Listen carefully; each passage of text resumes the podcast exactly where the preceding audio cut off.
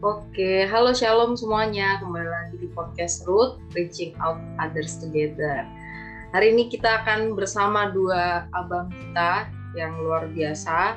Kalau awal-awal teman-teman sudah mendengarkan uh, bagaimana kesaksian uh, Bang Dedi, Kak Sarah, Bang Raja, dan saya, hari ini siapa lagi kalau bukan Bang Roy yang akan menceritakan pengalaman uh, spiritual rohaninya spiritual journey-nya. Ya nggak? Ya nggak bang siap. Harus dijawab dengan ini ya bang. Jujur dan hmm, penuh penghayatan. Ya besar hati kita bang. Oke okay, uh, ya jadi hari ini kita akan ditemani oleh bang Dedi juga. Nanti akan uh, kalau misalnya bang Dedi ada pertanyaan nanti abang bisa langsung bertanya Oke bang, bang Deddy.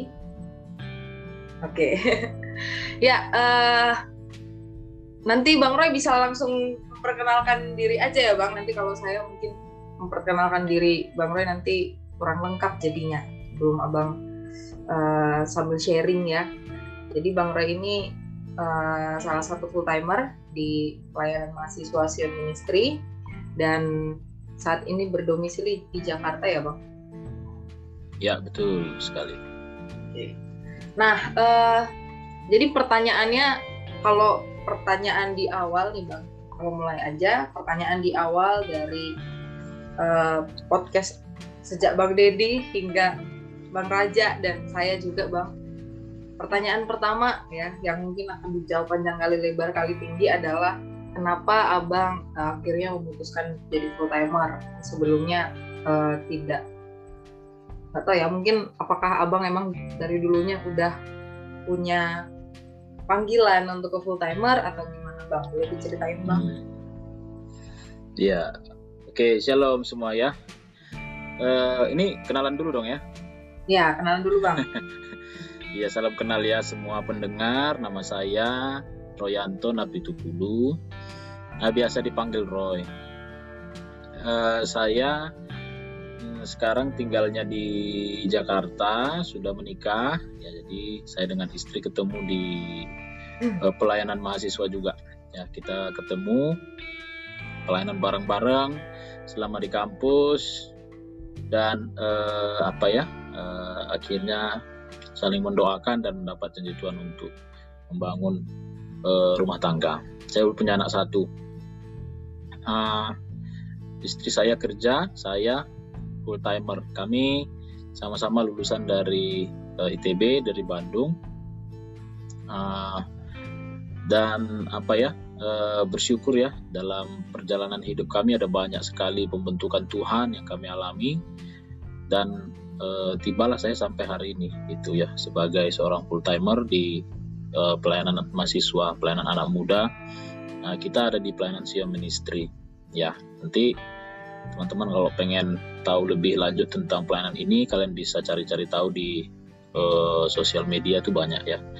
Sion Ministry di Instagram bisa lihat juga di YouTube. Nah uh, mengenai alasan saya kenapa saya apa ya uh, memilih menjadi staff full timer di Sion gitu di pelayanan mahasiswa sebenarnya uh, bukan cerita yang singkat ya. Uh, saya masuk kampus itu sebenarnya dengan tujuan untuk menjadi profesional. Uh, sejak SMP bahkan saya membidik untuk bisa masuk ke salah satu kampus yang pada waktu itu adalah kampus favorit gitu ya yang di, diinginkan oleh banyak anak-anak muda. Dan ketika saya dapat di sana, ya harapan saya jelas saya mau belajar sungguh-sungguh uh, fokus di kampus dan uh, mengejar uh, impian karir saya gitu. Nah, dalam perjalanannya saya mengalami banyak hal di kampus.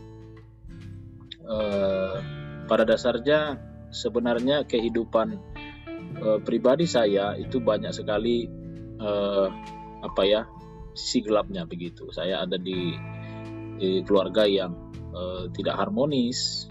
Jadi sejak kecil saya punya kecewaan dengan orang tua, saya marah dengan keadaan saya. Dan keadaan-keadaan seperti itu membuat saya juga eh, apa ya uh, depresi gitu dan ter, terjebak lagi ke dalam banyak sekali pergaulan-pergaulan yang salah teman-teman. Nah uh, apa ya uh, di situlah momen di mana saya uh, berkenalan dengan seorang kakak yang uh, menjangkau saya kakak kelas saya menjangkau saya dan uh, mengajari saya tentang kasih Yesus. Ya, perjalanan itu uh, yang menjadi titik balik pertama hidup saya dari seorang yang memang berambisius untuk mengejar karir, mengejar kesuksesan karena saya ingin memperbaiki keadaan keluarga saya yang mengecewakan begitu ya.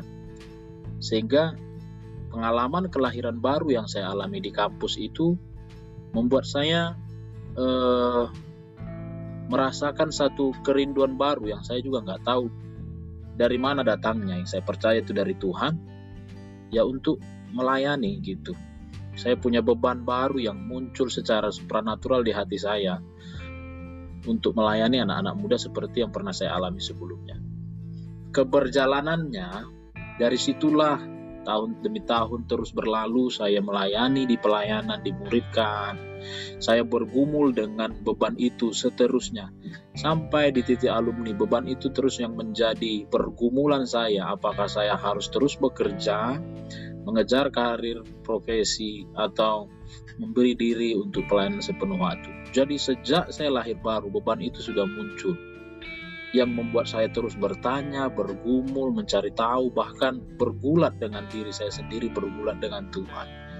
Dan apa ya, eh, ketika saya mencoba untuk menghilangkannya dari pikiran saya di hati saya, di situlah saya eh, semakin nggak tahan, semakin tidak bisa lepas dari beban itu. Gitu.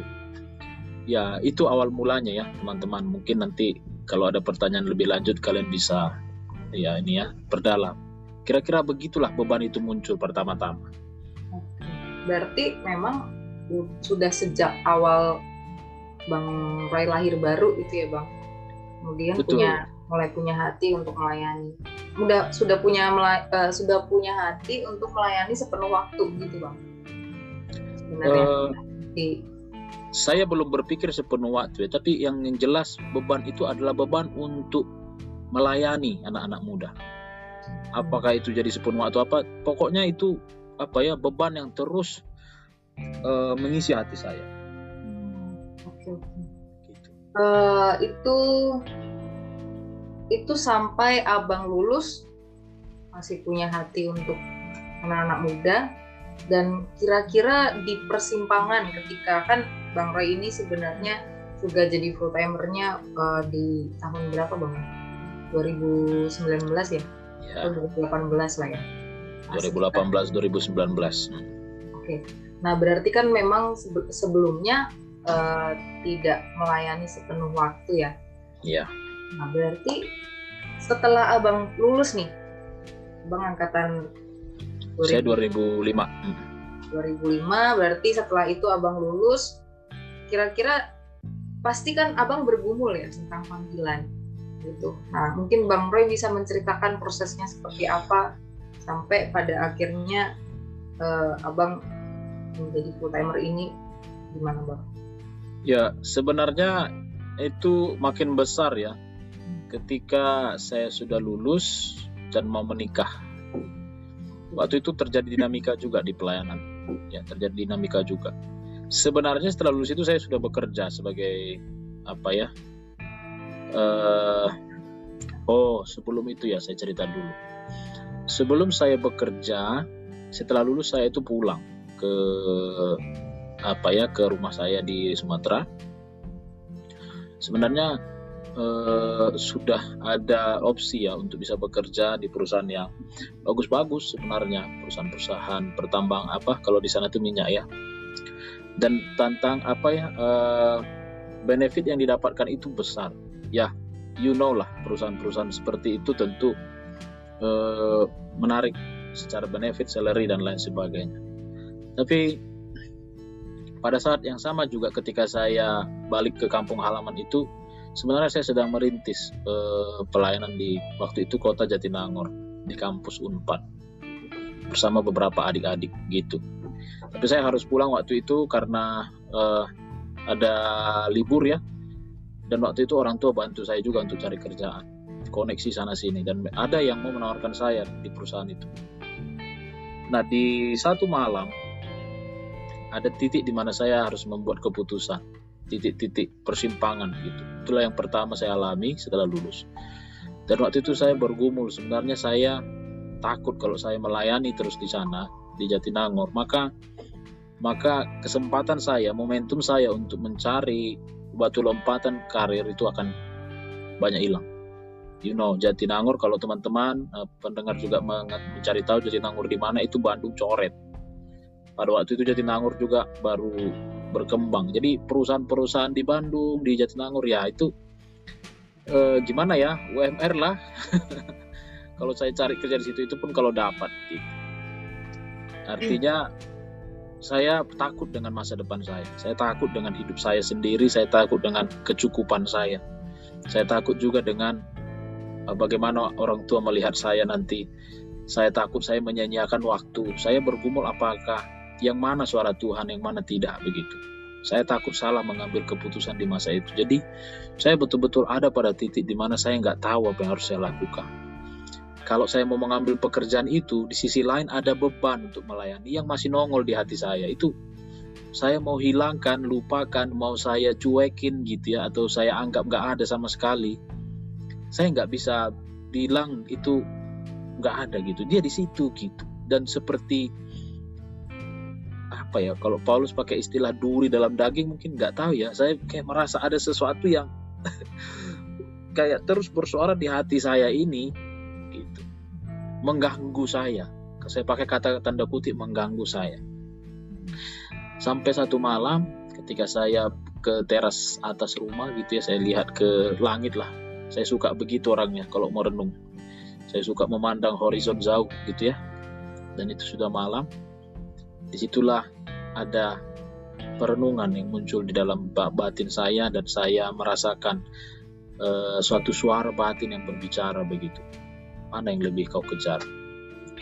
Sesuatu yang fana atau sesuatu yang kekal? Mana yang lebih berarti? Mana yang lebih berharga? Upah seperti apa yang sedang kau kejar dalam hidup? Jadi pertanyaan-pertanyaan fundamental itu muncul di hati saya dan waktu itu teringatlah saya Jatinangor uh, kota di mana saya melayani waktu itu dan uh, apa ya saya menangis waktu itu dan saya berbilang sama Tuhan kalau memang Tuhan mau saya melayani di Jatinangor pelihara saya saya takut dengan hidup saya Tuhan saya takut dengan uh, segala sesuatu keluarga masa depan saya pikir kalau saya melayani di tempat yang saat yang yang yang jauh itu saya seperti sudah meletakkan banyak sekali kesempatan untuk mengejar masa depan yang baik. Dan pada waktu itulah saya bilang, ya Tuhan saya berangkat. Saya balik, saya lapor ke orang tua saya nggak ambil. Saya balik ke Jatinangor dan saya uh, apa ya cari kerja di situ. Nah dapatlah saya kerjaan yang memang betul ngepas banget. Setengah bulan udah habis tuh gaji. Dan saya harus uh, bolak-balik kan ya Bandung Jatinangor karena kantornya di Bandung. Tapi saya bersyukur bisa melayani Tuhan, merintis pelayanan di sana, di mana uh, saya melihat ya sampai hari ini kita melihat kesetiaan Tuhan atas pelayanan di sana. Itu pergumulan pertama saya mengenai panggilan hidup yang membuat saya sampai harus meletakkan uh, ketakutan saya di hadapan Tuhan yang berdaulat itu uh, selanjutnya ya setelah ada dinamika di pelayanan dan setelah saya menikah uh, per, per, pergumulannya kurang lebih seperti itu juga begitu. Jadi saya takut saya bingung apa yang harus saya lakukan. Uh, saya merasa lebih aman kalau saya mencari pekerjaan. Demi keluarga baru saya pernikahan saya juga aman begitu. Ada tuntutan dari orang tua orang tua, e, mertua dan lain sebagainya supaya saya punya pekerjaan yang stabil. Dan itu juga yang membuat e, apa ya saya sebagai seorang pria berpikir ya kalau aku seorang suami pekerjaanku nggak jelas dan lain sebagainya. Saya adalah pria yang tidak bertanggung jawab sebenarnya. Saya bukan bukan kepala rumah tangga yang uh, diharapkan begitu. Jadi saya pun mengalami lagi depresi uh, kebingungan atas jati diri saya gitu. Dan uh, apa ya itu terus bergema di hati saya, bergumul, berulang lagi. Saya harus berdoa, mencari Tuhan, melawan Tuhan juga. Saya berusaha untuk tidak taat. Gak tahu saya Tuhan, saya tidak mau menjadi full timer di pelayanan yang lagi berdinamika, yang lagi gak jelas. Saya pengen kalau full timer di gereja bagus, besar, yang jelas. Karir petnya juga gitu. Saya udah mikir juga loh cari. Kalau mau staff saya cari ke gereja yang mapan gitu tapi itulah ya teman-teman ya hati Tuhan yang memang sejak awal sudah muncul sejak saya lahir baru. Indonesia, bangsa-bangsa, anak-anak muda. Dan ketika itu pelayanan tidak ada gembala dalam dinamika itu tidak ada yang eh, apa ya sangat butuh sekali eh, yang bisa menopang ya, bersama rekan-rekan yang lain termasuk ada Bang Dedi di sini ya ada Bang Dedi juga mungkin dalam ceritanya Bang Dedi dia juga eh, sempat share di situlah kita bergabung lagi untuk uh, mengerjakan Sirion istri waktu itu dan uh, oleh ini dia. Sumber kekuatan terbesar saya. Tentu Tuhan lah ya ngerti lah ya. Tetapi istri saya yang dukung saya. Walaupun memang dalam perjalanannya itu banyak riak juga tapi dia bilang saya dukung. Uh, aku yang kerja kau yang melayani dan itulah yang menjadi tambahan keyakinan saya untuk saya mengambil posisi waktu itu menjadi full time itu kira-kira. Berarti berarti ada ada part di mana uh, istri sempat tidak mendukung bang? Tentu. Itu nah itu bukan. prosesnya itu bagaimana? Itu juga panjang ya. Uh, apa ya eh, harapan untuk kita punya keuangan yang stabil itu awal-awal pernikahan itu besar. Karena istri juga kan bekerja baru-baru masih junior gitu. Jadi secara keuangan kami itu masih morat marit eh, pernikahan kami. Kami habis nikah itu enggak, enggak punya duit gitu. Ngontrak aja masih pakai uang orang tua kan di Jakarta. Jadi kami cicil ke orang tua. Dengan keadaan seperti itu saya pernah punya usaha dan harus tutup juga kan karena keadaan. Itulah yang membuat uh, apa ya uh, wajar sebagai seorang istri juga takut akan kondisi ekonomi. Makanya pada waktu itu kami banyak konflik. Banyak konflik. Walaupun kita sama-sama ngerti kita sama-sama rohani tapi waktu apa ya real ini keadaan ekonomi itu jadi konflik. Konflik itu besar ya saya pernah diamin istri istri pernah diamin saya juga. Itu berminggu-minggu dan lain sebagainya. Kami bersyukur kami punya panutan ya. Kami punya gembala yang memuridkan kami itu juga adalah seorang yang uh, istrinya adalah seorang yang karir profesional. Sementara uh, suaminya adalah seorang penatua gereja saya bersyukur kami dimuridkan uh, apa ya oleh abang kakak rohani kami yang menjadi contoh bagi kami. Di sisi lain juga kami pernah sempat dibimbing oleh salah satu foundernya Planet Sion gitu ya, di mana beliau juga adalah seorang full timer dan uh, istrinya adalah seorang yang bekerja. Ada juga senior yang menjadi inspirasi kami, yang dia adalah seorang full timer juga dan istrinya salah seorang uh, leading gitu ya leader di salah satu perusahaan BUMN di mana istri saya juga bekerja jadi ada yang persis mirip dengan kami gitu.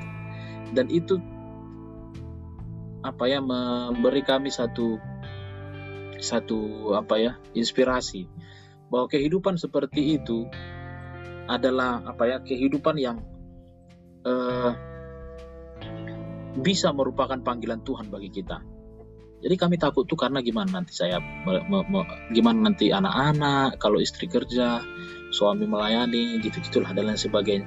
Jadi mereka mengkonseling kami dan lain sebagainya. Terus apakah apakah uh, oke okay, kalau suami lebih rendah gajinya dibandingkan istri? Itu jadi pertanyaan besar konflik besar kita. Saya sampai saya sampai merasa bahwa harga diri saya pun hancur pride saya hancur. Uh, tapi itu memberi kita apa ya konseling itu memberi kita banyak masukan pengertian. Uh, bahwa enggak dalam pernikahan enggak enggak begitu lagi konsepnya gaji siapa tinggi tinggian bukan tetapi itulah itulah berkat Tuhan bagi keluarga yang perlu dikelola dengan baik yang berasal dari istri dan suami.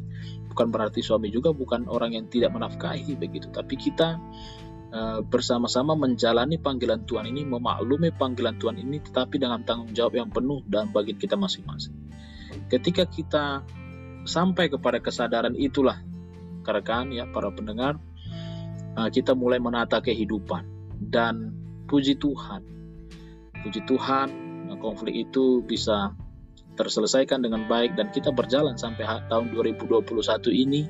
Saya melayani, istri saya juga bekerja dan kami saling menyokong dalam keuangan keluarga.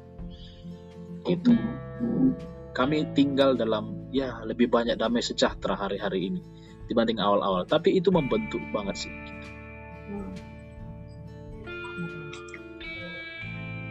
Ya, um, uh, bagaimana dengan uh, keluarga ya? Maksudnya uh, saya tahu, saya kenal abang, abang anak pertama, bang Roy anak pertama, terus um, bakal jadi teladan atau harapan penuh keluarga kan begitu besar dan ya ketika dapat hati yang demikian tadi sudah dijelaskan sedikit uh, bagaimana dengan beban itu dengan dan uh, proses menghadapi keluarga dan sampai akhirnya keluarga support apakah keluarga saat ini support atau belum atau bagaimana?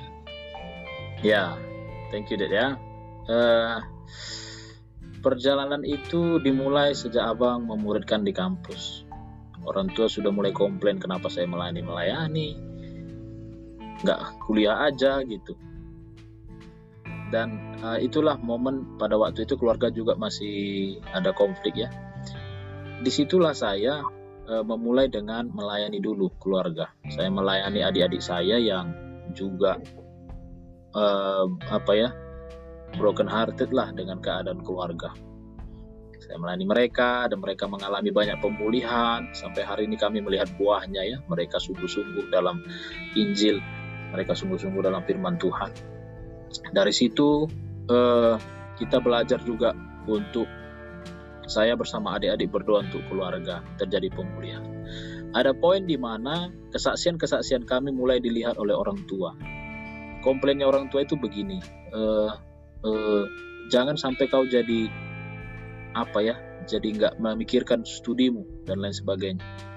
Kita pastikan sama orang tua supaya uh, apa ya, apa yang berantakan dulu karena kehidupan kami juga jadi ikutan hancur di kampus karena keadaan orang tua, keadaan keluarga, kita perbaiki, kita pulihkan. Dan betul ya, saya berjuang juga dalam pelayanan di tengah-tengah mahasiswa, saya juga memperbaiki studi saya sehingga saya bisa lulus dengan hasil yang baik.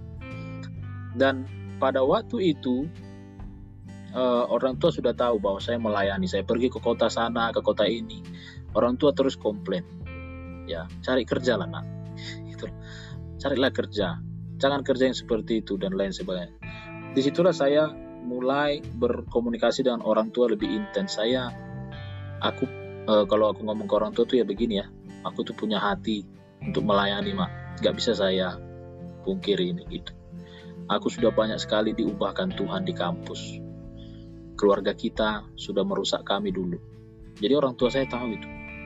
Papa dan mama saya. Keluarga kita keadaan keluarga sudah menghancurkan masa muda kami dulu. Dan kami di kampus mengenal Tuhan. Dan uh, kami mau melayani gitu. Aku mau melayani. Aku mau pergi ke kota-kota aku mau melayani. Dan ini sudah menjadi kerinduan hatiku gitu orang tua uh, awalnya tidak ngerti terus komplain marah begitu dan bilang pernah dari dari orang tua saya saya bilang begini kamulah anakku yang paling gak ku mengerti gitu. Kau masuk ITB tapi kau buang-buang itu. Nah gitu. Ya kalau kayak gitu kenapa kau nggak sekolah pendeta aja dari awal dan lain sebagainya? Dalam hati gimana ku tahu? Mana saya tahu? Saya saya pun masuk ITB bukan karena mau jadi pendeta atau apa gitu saya memang tujuan utamanya adalah untuk mempunyai karir profesional yang baik. Saya pengen memperbaiki taraf keluarga saya gitu. Tapi saya bilang sama orang tua di tengah jalan saya di, di perjalanan saya di kampus saya mengenal Tuhan. Saya mengenal Tuhan. Kalau saya nggak kenal Tuhan sudah jahat saya sekarang karena keadaan keluarga ini saya bilang sama orang tua saya. Karena keadaan keluarga yang terus dalam keadaan konflik saya bisa hancur adik saya adik-adik bisa hancur tapi kami dilayani kami mengenal Tuhan di kampus. Dan Tuhan kasih kami visi. Dari mana bisa kami kami buang-buang itu? Gitu. dan di kampus inilah kami mendapatkan itu. Ya nggak bisa lah kita atur-atur Tuhan. Mau gimana? Gitu. Di kampus ITB inilah aku mengenal Tuhan. Belum tentu di kampus lain aku kenal Tuhan. Gitu. jadi inilah destiny Tuhan. Inilah jalannya Tuhan saya bilang. Inilah inilah rencana Tuhan itu bagiku. Nah nggak ada itu kata jadi perjalanan itu terus. Ya konflik itu terus. Bahkan saya eh, apa ya tetap dalam hormat ya pada orang tua saya terus melayani dan orang tua terus marah. Saya pergi ke Lampung tiap minggu gaji saya habis orang tua saya komplain kau nggak dikasih makan ya sama pelayanan itu? Oh enggak bukan kayak gitu mak. Saya yang saya yang yang keluar uang gitu. Saya yang cari pelayanan apa itu? kata mama saya jangan mau kau melayani melayani kalau kau nggak dibiayai. Masa kayak gitu hamba Tuhan? Kayak gitu. Mama saya dalam hati saya ya, ya hamba Tuhan ya hamba Tuhan lah yang memberi. Masa kita yang dilayani gitu? Tapi ya itulah konflik saya alami dengan orang tua kira-kira. Uh, apa ya? Orang tua saya pernah bilang begini. Bodoh kau katanya. Itu itu juga membuat saya apa ya terpukul waktu saya melayani. Itu dalam perjalanan ke, ke kota mana ya saya lupa. Bodoh kau katanya. Uh, sudah dibodoh-bodohi pelayanan itu kau sudah di apa ya sudah dicuci otak kau kira-kira begitulah bahasa yang saya dengar waktu itu. Dan tidak uh, ada anak ITB kayak kau wah itu momen di mana saya harus nangis-nangis di bus ya saya merenungkan hidup saya bergumul saya dengan Tuhan pada waktu itu juga teman-teman sudah ada yang S2 dan lain sebagainya. Itu itu momen berat lah saya alami. Itu itu kan dengan dengan keluarga, Bang. Itu kan dengan keluarga. Dengan calon mertua maybe. Seperti apa? Kan pasti juga uh, mereka nggak sepakat gitu. Apalagi uh, orang tua punya harapan pasti dong. Orang tua si cewek juga punya harapan, hmm. punya mantu ya. Yeah. Seperti apa gitu Bang Roy juga ini ya Bang uh, apa sebenarnya kan akhirnya memutuskan hubungan mereka setelah menikah ya Bang? Ya ya setelah menikah. Berarti kan mungkin uh, apakah mertua ada apa ya ada mungkin mulai bertanya-tanya lah kok malah jadi pelayan Tuhan ini gimana ini ya kan pasti punya hmm. kekhawatiran sama nah ya saya lanjut aja ya. Jadi dalam keberjalanannya itu kita, saya berdoa supaya Tuhan pada akhirnya uh, apa ya membuka jalannya lah begitu. Ya supaya orang tua juga saya mengerti bahwa ini hati saya. Saya bukan melawan orang tua gitu. Sehingga ada satu momen di mana orang tua saya ngerti bahwa hati saya pelayanan. Bahkan bapak saya kesaksian di gereja, dia bilang, anakku, ketika ini ya keluarga saya semakin dipulihkan Tuhan, papa dan mama semakin harmonis hubungannya, anakku melayani Tuhan, dia bilang. Dan aku bangga sama anakku ini bapak saya yang bilang. Dulu bapak yang saya benci. Dan uh, apa ya itu membesarkan hatiku buat Tuhan baik gitu. Jadi dalam perjalanan pelayanan aku semakin semangat ketika orang tuaku bilang, Tuhanlah memberkati perjalanan menang. Ya, layanilah Tuhan. Itu.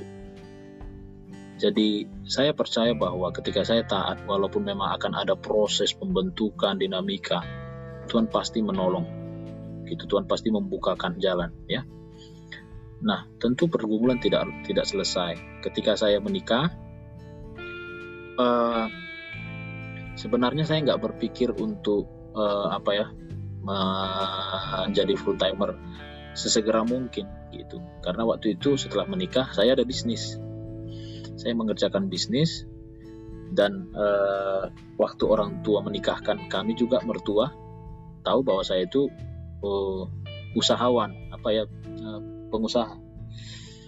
Gitu. Jadi waktu kalau kalau teman-teman ada yang kenikahan saya itu menikah uh, dengan istri saya uh, karyawan di BUMN bla bla bla. Royanto ya kan? Sebagai pengusaha. Wes. Wah kalau orang nanti mikirnya pengusaha waduh ini crazy rich ini padahal enggak ya. Saya mah saya mah biasa aja gitu. Lagi Dan, tamu tamu tamu undangannya para para pegawai BUMN ya Pak ya? Betul pengusaha-pengusaha deh waktu aku dibikin kayak itu nama aku terpampang aku jadi humble aja lah aku Tuhan siapa lah aku ini? Dibikin keluarga gitu ya gitu. Mungkin supaya oke okay lah ya dalam pandangan orang-orang well oke okay lah tapi setelah itu kan mendekati pandemi jadi bisnis turun dan tutup. Nah gitu. Jadi saya apa ya menguji hati saya. Apakah aku ini full timer karena udah nggak ada lagi bisnis atau enggak gitu. Dan pada saat yang sama itulah yang pelayanan butuh ada full timer nah Sebenarnya konflik terbesarnya adalah sebelum nikah dengan mertua bahwa sebelum aku full timer pun itu udah konflik bahwa pekerjaanku masih lebih kecil dibandingkan istri calon istri waktu itu. Jadi itu yang dipertanyakan, digumuli keluarga besar dari menantu saya dan lain sebagainya. Ini bisa jadi topik ini bisa jadi TH juga ya tentang teman hidup ya. Kuncinya adalah kami kompak sekompak-kompaknya sehingga mau keluarga saya, keluarga istri juga mau bilang apa. Walaupun ada banyak suara di sana yang melawan-lawan gitu. Karena kami belajar untuk kita yang harus kompak karena kita yang mau menikah. Maka itu bisa diredam. Dan akhirnya e, sebenarnya konflik terbesar saya adalah dengan istri saya. Makanya abang bilang tadi ya, ketika istri bilang uh, aku oke okay kalau mau jadi full timer di situ saya oke okay kan waktu istri saya belum oke okay, saya nggak pernah yakin jadi full timer. Jadi saya masih berpikir untuk bangun bisnis lain saya berpikir untuk membangun ini gitu. Gitu kira-kira. Nah tapi waktu saya jadi full timer setelah itu memang ditanya sama mertua dan lain sebagainya. Jadi pas Dedi nanya tadi apakah mertua nggak setuju? Hmm, sampai hari ini pun orang tua saya atau mertua saya kalau bisa ada pekerjaan lebih baik am, lakukanlah itu pasti nah, saya hidup dengan itu tetapi karena kami eh, apa ya eh, sepakat kami berdua yang sepakat ya ini rumah tangga kami mereka mendoakan kami supaya everything okay, semua baik dan apa yang dikerjakan juga ya bisa memuliakan Tuhan gitu.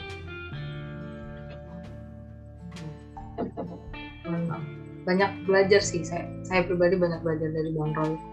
Kalau lihat dari perjalanan hidupnya Bang Roy ya kita bicara yang namanya panggilan nyambung juga ternyata ya sama uh, pasangan hidup, hidup. Iya tentu, tentu. Wow. Uh, apa ya bang? banyak hal yang mungkin anak-anak muda di luar sana juga hmm. alami gitu maksudnya uh, dari cerita abang ya saya lihat saya mendengar gitu bahwa memang abang pun mengalami masa-masa fase-fase ketidakpastian mencari pekerjaan pilih panggilan Tuhan atau pekerjaan gitu. Dan apa ya banyak hal yang banyak keputusan-keputusan yang akhirnya abang ambil. Dan kalau saya tadi mendengar gitu ya menyimpulkan bisa saya simpulkan bahwa uh, apa ya Tuhan membawa abang sampai di titik ini itu memang mirip dengan uh, bang Raja saya bang Dedi juga ya bahwa memang ada sesuatu yang membuat abang tertarik dengan panggilan ini gitu ya. Yang memang menurut saya nggak semua orang mendapatkan itu tidak semua orang mengerti dan tidak mau eh, tidak semua orang mau mengerjakan ladang ini gitu. Dan ya saya yakin juga pasti teman-teman di luar sana kalau misalnya ada yang masih mempertanyakan panggilan saya yakin mereka akan semakin apa ya diteguhkan dengan apa yang abang ceritakan tadi. Dan juga soal jalan hidup di mana abang dan kakak sepakat di awal gitu ya. Memang sefrekuensi di awal akhirnya mau orang ngomong apa pun tetap uh, ketika dua orang ini sepakat dua orang abang dan kakak udah sepakat ya udah gitu. Bahkan mertua dan orang tua pun oh ya udah gitu. Nggak bisa. Ya udah itu keputusan abang dan kakak. Ya dan itu luar biasa sekali sih bang. Sangat memberkati dan uh, ya harapannya buat teman-teman anak-anak muda luar sana kalau misalnya mendengarkan podcast ini gitu ya bisa mengerti bahwa memang yang namanya panggilan Tuhan yang bawa kita untuk sampai ke panggilannya Tuhan gitu asal memang kita taat ya sebenarnya ada yang mungkin miss juga bahwa harusnya dalam menaati panggilan itu disertai dengan karakter yang dewasa ya karena kalau kita mau taat panggilan tapi karakternya tidak mau didewasakan, kita nanti hitungannya itu kayak memberontak loh sama orang tua. Memberontak lah sama istri hanya karena mau taat sama ibu. Banyak orang kayak gitu. Mau panggilannya full timer, mau panggilannya profesi, mau panggilannya usaha dan lain sebagainya. Banyak orang di sini. Yang yang abang lakukan adalah ketika saya mentaati panggilan ini, saya tahu bagian saya terhadap keluarga kemarin ngobrol-ngobrol kan ya kita itu cerita tentang keluarga. Itu karakter kita itu penting sekali untuk memenangkan hati keluarga. Di keluarga abang saya itu apa ya eh, saya itu membimbing adik-adik saya. Saya memberi pandangan yang benar kepada orang tua saya. Begini mah begini pak yang ini salah yang ini enggak saya menunjukkan kedewasaan saya, kemandirian saya sebagai seorang manusia dewasa dan manusia rohani. Jadi kita bukan jadi batu sandungan. Di hadapan mertua, istri saya eh, di hadapan apa ya mertua, istri saya itu terhadap orang tuanya, istri saya itu sangat sangat di apa ya didengarkan keuangan bahkan eh, orang eh, mertua saya itu istri saya loh yang kelola dia sangat terampil dalam hal itu dan dia betul-betul uh, apa ya pemberi nasihat loh penasihat di keluarga kita harus jadi penasihat di keluarga kita masing-masing dengan baik. Itu sangat memenangkan hati orang tua hati keluarga kita. Sehingga panggilan Tuhan itu pun menjadi konfirmasi bagi mereka. Karena mereka kelihat karena mereka melihat buah-buah hidup kita.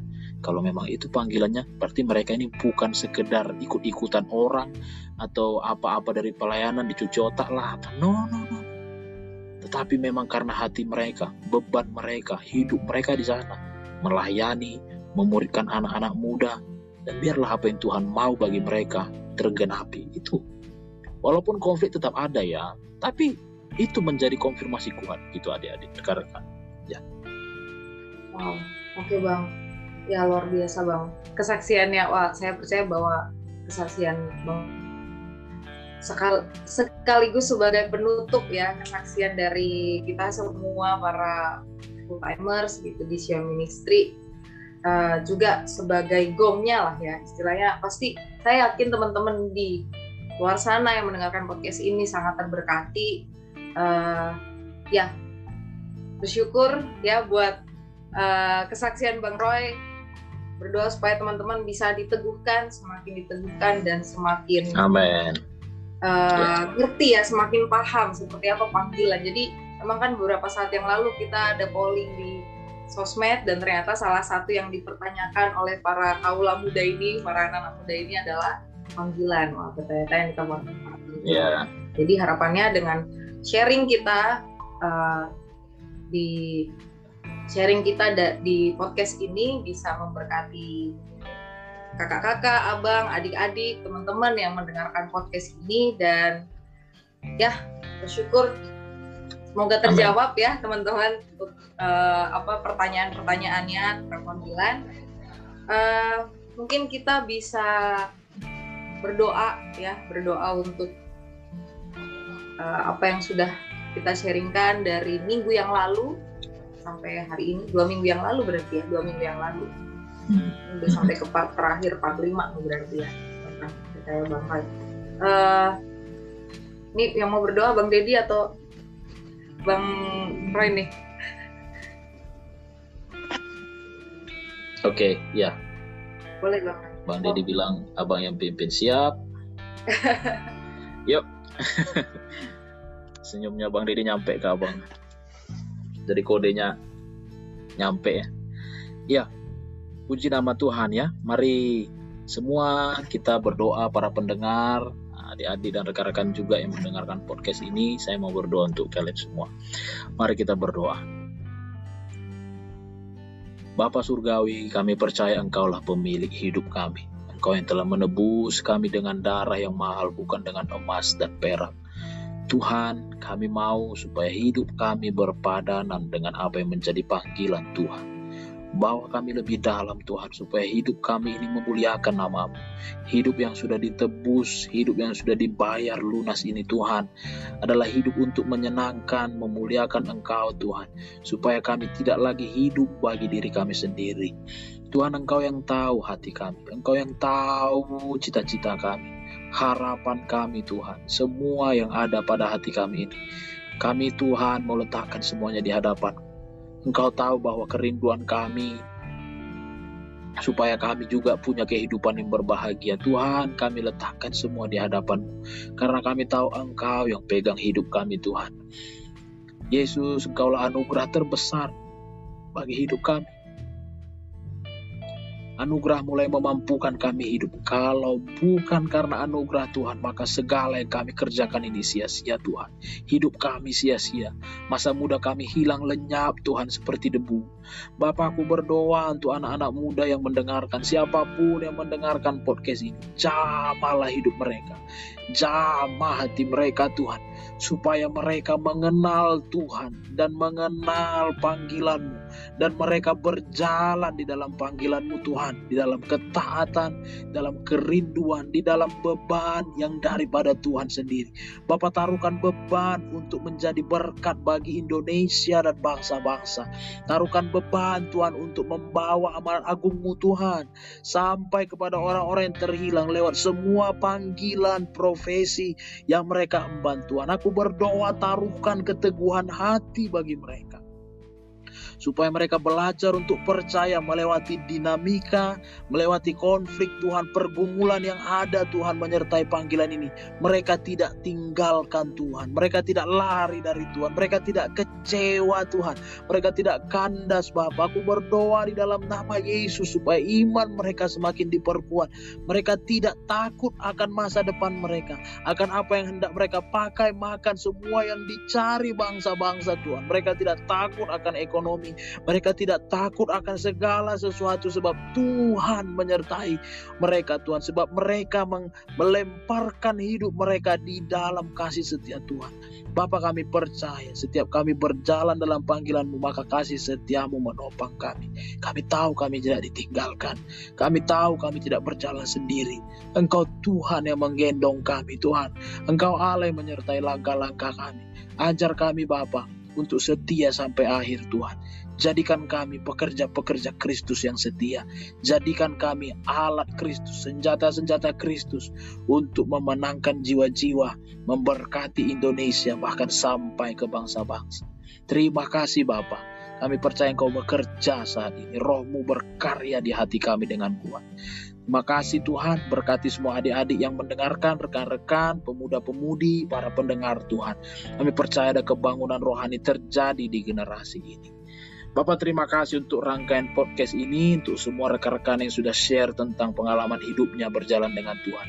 Engkau yang memberkati mereka semua, yang sudah uh, bersaksi Tuhan bercerita. Tuhan yang memelihara hidup mereka, perjalanan hidup mereka.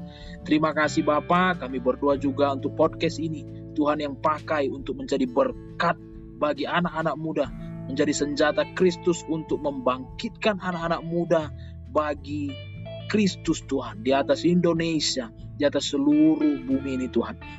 Kami berdoa, kami menyerahkan semua Tuhan yang sudah kami rencanakan ini, yang kami bicarakan ke dalam Tuhan. Di dalam nama Yesus kami sudah berdoa, mengucap syukur. Amin. Thank you semuanya. Thank you teman-teman buat yang sudah mendengarkan dan jangan lupa kalau misalnya ada yang mau cerita sharing ya atau butuh didoakan teman-teman bisa hubungi nomor yang ada di layar ya dan uh, bisa hubungi salah satu nomornya dan bisa chat di situ kita dengan uh, apa ya dengan rela akan mendoakan teman-teman kita akan ya. melayani yeah. teman-teman juga. Oke, terima kasih. Sampai ketemu di podcast selanjutnya. Tuhan berkati. Tuhan berkati.